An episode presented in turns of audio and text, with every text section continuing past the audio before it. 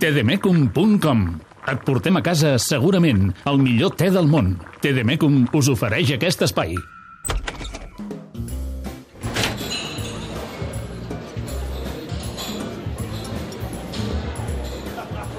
Quina gentada. Uf. Hola, Paco. Què tal, Lluís? David, com estem? Sort que has agafat aquí la, aquest, aquest espai aquí reservat, eh? No saps la, la de bufetades que hi ha hagut per agafar No, avui aquest espai però que has, durant, que el arribat a les 9 del matí, o què? No, no, no, el que passa que el Paco li... Paco, jo vindré després del partit, que l'aniré a veure amb els de la penya gastronòmica i, escolta'm, vinc amb la panxa plena, plena. Ah, val, no has vist el partit d'aquí, no, has no, vingut no, després. ho he, vist, ho he vist amb els de la penya Això vol dir que tu gastronòmica. tens aquí tracte de favor amb el Paco, Però que el et guarda Paco sempre aquí la taula, eh? aquest, el nostre córner, el córner TDMecum. Eh? Bueno, m'han dit que hem bandejat fins i tot el Paco avui, eh? Ah, sí? L'han bandejat el bandejat el Paco. Paco sí, avui? i tant, home, ha fet barra lliure. quan ha acabat, quan Aleix Vidal ha fet el tercer, Paco dit, convida a la casa. Barra lliure de què? De TDMecum o què? de TDMecums, de, de cerveses, de, De tot. cava, de, de, de tot. tot. Un autèntic, un autèntic eh, festival. Jo tinc la panxa plena, i però penso que el Barça ha decidit la Lliga avui. Eh? Sí, sí, tu creus que està sentenciada la Lliga? Home. U, u, no, no, o sigui, malgrat passen les hores, penses que avui la Lliga l'ha sentenciada el Barça? No recordo, no recordo quina va ser la diferència de punts que va treure el Barça en la Lliga dels 100 punts aquella de Tito Vilanova, que en aquestes alçades te- tenia dos punts més que les que té ara el Barça perquè només va cedir un empat a la primera volta. Però, però mm, jo no recordo una Lliga que, que pràcticament a tocada al final de la primera volta el líder portés la diferència de punts que porta el Barça, que són 9 punts respecte al segon classificat, perquè ja ho estem veient Sí, el que està el passant a València està perdent, eh? La jornada estat rodona. L'Atlètic de Madrid ha punxat, eh, va punxar ahir al camp de l'Espanyol. Li fas 3 al Santiago Bernabéu. Són ca- 14 virtuals, però que són 11, en definitiva. Mm.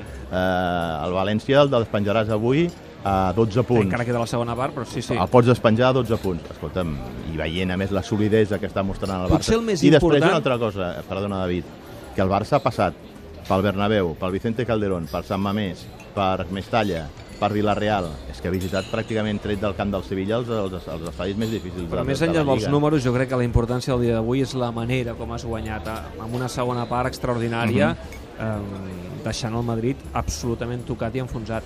El Madrid ha sortit, jo crec que a No ha fet cremar... mal, mal, mal plantejament Zidane a l'inici del partit. Bueno, ha sortit a cremar-ho tota la primera part. tingut la pilota jo, durant 30 eh, minuts. La, la veritat he tingut la sensació de que el Madrid aguantaria 30 minutets perquè aquella pressió, aquella intensitat tan, tan, tan alta que ha fet a l'inici del, del partit, a més taponant en la zona ampla del terreny de joc amb la presència de Kovacic a, a Leo Messi intentant curtocircuitar a, a, a l'argentí que no rebés pilotes que no pogués jugar en còmode doncs la, el Real Madrid a la primera part sí que podríem dir que ha portat un lleuger domini i ha decantat lleugerament el, el partit al seu favor, però no ho ha acabat de, de, de rematar. Cristiano ha tingut aquella oportunitat tan clara que ha fet aquell misto impressionant a la, a la primera meitat on el Madrid es podria haver posat 1-0. És veritat que el Barça després ha tingut aquelles dues ocasions de Paulinho, que per mi ha estat un dels millors del, del partit, però després de la segona part el Madrid ja des de l'inici és que no ha pogut dir ni fava s'ha vist superat, aquella pressió que havia fet a la primera part ha desaparegut automàticament, l'equip ha reculat, el Barça ha estat amo i senyor de la pilota del partit i després ha aprofitat les seves oportunitats i el primer gol ha estat clau, ha estat letal, i més després la jugada del segon gol amb l'afegit de l'expulsió de Carvajal i allà el partit s'ha acabat i si no, no hem vist un, un, un marcador més escandalós és perquè diguem-ne el Barça no ha tingut aquell instint assassí que podria haver tingut en altres ocasions i que hauria avui aconseguit un resultat d'aquests històrics del Santiago Bernabéu. Però vaja, amb el 0-3, amb, el, amb, amb, amb la puntilla d'Aleix Vidal, ens hem de donar més que contents. Bé, que segurament amb el 0-3 és quan han bandejat el Paco, eh? Fet Sí, sí, no, no, no, això m'han dit. Dic, t'has perdut el mantell del Paco. Dic, què ha passat? Dic, quan Aleix Vidal ha fet el tercer, ha volat pel, pel, pel, pel sostre el Paco. Escolta'm una cosa, Lluís. Um, tu situes aquesta victòria d'avui en el top 5 de victòries al Bernabéu? Clar, el que passa que n'hem viscut tantes, últimament. Home, el top 5 segurament, segurament, perquè jo de, de, de les que recordo, eh? Tens el que- 2 a 6. 2 a 6, el 0-5. Jo tinc el 0-6, Sí. el 0-5 que Tens el 0-3 de Ronaldinho. El 0-3 de, de Ronaldinho, el 0-4. El 0-4 fa Probablement anys. aquest estaria en el, en el 0-5 perquè a més a més és d'aquestes victòries que valen pràcticament per, per la Lliga, no? per, per, pel títol no? i per tant doncs, tenint en compte i tot, i tot el que ha envoltat aquest partit al llarg d'aquesta setmana amb totes les coses que han passat a nivell polític i social doncs home, rematar la setmana amb una victòria al Bernabéu amb aquest 0-3 eh, Ara, ara quan en, té la seva importància. Ara quan entrava aquí a l'SNAC he sentit aquí en aquella taula, veus, allà, allà a la punta, n'hi havia un que deia, li deia l'altre. Per diu, cert, m'estic prenent un té negre, un no té blanc. negre. Un té, avui té Copacabana negre. veig que t'estàs prenent. No, no, té negre estimulant. Copacabana es diu. Com, ah, es diu Copacabana, com que Sí, el Paco m'ha dit, l'etiqueta. posa-li un té negre. Jo, jo, jo, Copacabana veig que es diu, sí. Sí. Sí, sí. Sí doncs, Paco, posa'm en un altre, un Copacabana d'aquests, de Tedemeco. No, que dic, a, a sentir aquesta gent que parlava aquí en aquesta taula, i, ni de, i li un li deia a l'altre, diu, a mi el que em fa ràbia és que el Barça no ha aprofitat per fer sang. Per això, que ha tingut... Que n'hagués hagut de fer més. que ha tingut, si el Barça Encara arriba, a estar, algun arriba inconformista. si el Barça està fi de cara a porteria avui li fa un 5 o un 6 al, al, al Real Madrid algun hagués pogut marcar el Real Madrid tots dic de pas perquè continuem tenint a a Sant Ter Stegen que les atura absolutament totes no? perquè avui ha tingut un parell d'intervencions allò afortunadíssimes però el Barça si està encertat de cara a porteria vaja, avui li fa un strip a la defensa del Real Madrid, perquè a més a més és que el Madrid aquest any està tenint una tònica en el seu joc, que encaixa molts gols amb facilitat al seu estadi, i, i avui no ha estat una excepció. I aquest és un dels grans problemes que, que té aquesta temporada l'equip de Zinedine Zidane. A mi el plantejament de Zidane no m'ha agradat, perquè en un partit on tu has d'anar per la victòria, que tu has de jugar tot, prescindir de l'home que fins ara ha estat eh, possiblement el millor del Real Madrid, com ha estat Isco, en aquesta zona de tres quarts, per posar un home de contenció, intentar anul·lar a Messi amb, amb Kovacevic, Hi ha, hi ha polèmica i debat, eh, a Madrid, Clar, a, a l'entorn home, de la jo recordo, jo recordo la setmana passada que mm, anava cap a l'Snac, venia cap aquí i vaig escoltar el, el Relaño i el Relaño era dels que demanava que jugués Gareth Bale que el Madrid jugués amb, amb el que ells consideren allò, diu Relaño, l'11 de gala, perquè Relaño diu que hi ha l'11 de Cardiff, que és el que va guanyar la final de la Champions a Misco, que és una miqueta el que ha jugat durant tota aquesta temporada, més l'equip de gala, que seria el que faria Florentino amb la, amb la BBC, amb, amb Gareth Bale, i alguns sectors del madridisme, començant pel nostre amic Alfredo Relaño, doncs demanava allò a la por ellos, no? que s'havia de guanyar com fos avui el Barça, perquè el Madrid es jugava avui i continua viu a la Lliga, i avui el Madrid s'ha sentenciat en, en les seves aspiracions de poder disputar aquest títol de Lliga. És veritat que del Madrid a vegades tu pots esperar tot. L'altre dia vaig coincidir amb el segon entrenador del Barça en un sopar amb Jonas Piazo i em deia, ah, però és que el Madrid és capaç després de guanyar d'encadenar 15 o 16 jornades consecutives sense perdre Però és que el Barça n'hauria de perdre uns quants, eh, de partits. Home, vam viure fa un parell d'anys aquella Lliga segona amb Luis Enrique, que el Barça va tenir un, un, un mal mes, crec que era de març, va perdre tres partits o quatre consecutius i aleshores Sí, va haver de, que- que tot de patir passar. fins al temps. Però, Tot però, pot passar, però- Però és que, no, no, i tal com veus a l'equip en aquest Sobretot moment... l'ingredient d'haver tocat moralment el teu rival, Sí, això... no, i, i, i l'equip i l'equip- dona molt rèdit. i- i l'equip està molt consistent. Darrere no, no concedeix oportunitats, ocasions, allò gratuïtament. Al contrari, no s'exposa.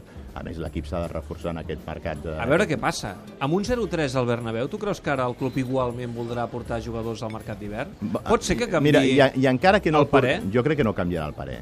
Jo crec que no canviarà el parer i es- Les s'acaba... coses a vegades van així, eh? Sí, Els directius sí. diuen, Sí, ostres, però- 0-3, però- no toquem res, no toquem Però res. ja no es tracta únicament de poder lluitar per la Lliga, sinó també poder lluitar a la Champions. I encara que un d'aquests reforços, com seria el cas de Coutinho, no pot jugar la Champions, és veritat que amb la presència del brasiler això li donaria descans a Andrés Iniesta, que ha fet 75 minuts impecables, incommensurables, eh, en la línia del que està fent aquesta temporada Iniesta, però quan el van dosificant. I aleshores, perquè Iniesta pugui jugar allò en plenitud de condicions als partits d'entrada d'aquesta eliminatòria de vuitens de final contra el Chelsea a la Champions necessita dosificar-se a la Lliga i en aquest sentit, clar que és veritat que ara no necessites tant reforçar-te de cara a la Lliga Haurem perquè- de portar un central però, pel tema Mascherano, no? però amb Vermaelen estem Bueno, a tranquils. Vermaelen, escolta'm, ha fet un Que altre, fi, eh? un altre partidàs, perquè a més li han posat difícil la cosa quan li han ensenyat aquella targeta només començar el, el partit per l'entrada aquella a Benzema, que per mi era targeta, el passa que a continuació el criteri de l'àrbitre ha canviat quan Ramos ha fet un parell d'entrades seguides que també eren mereixedores de targeta. No li han ensenyat fins que ha agredit amb, amb aquell cop de mà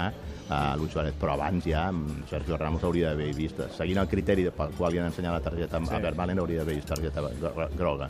Però ha aguantat de manera, vaja, estoica durant de, damunt del terreny de joc els gairebé 80 minuts que restaven de partit amb l'amenaça d'aquella targeta groga i ha fet un partit impecable. Escolta, un- dubte, perquè ara quan he entrat he buscat a veure si ho tenia posat apuntat per alguna banda aquí al cartell de- de- d'anuncis.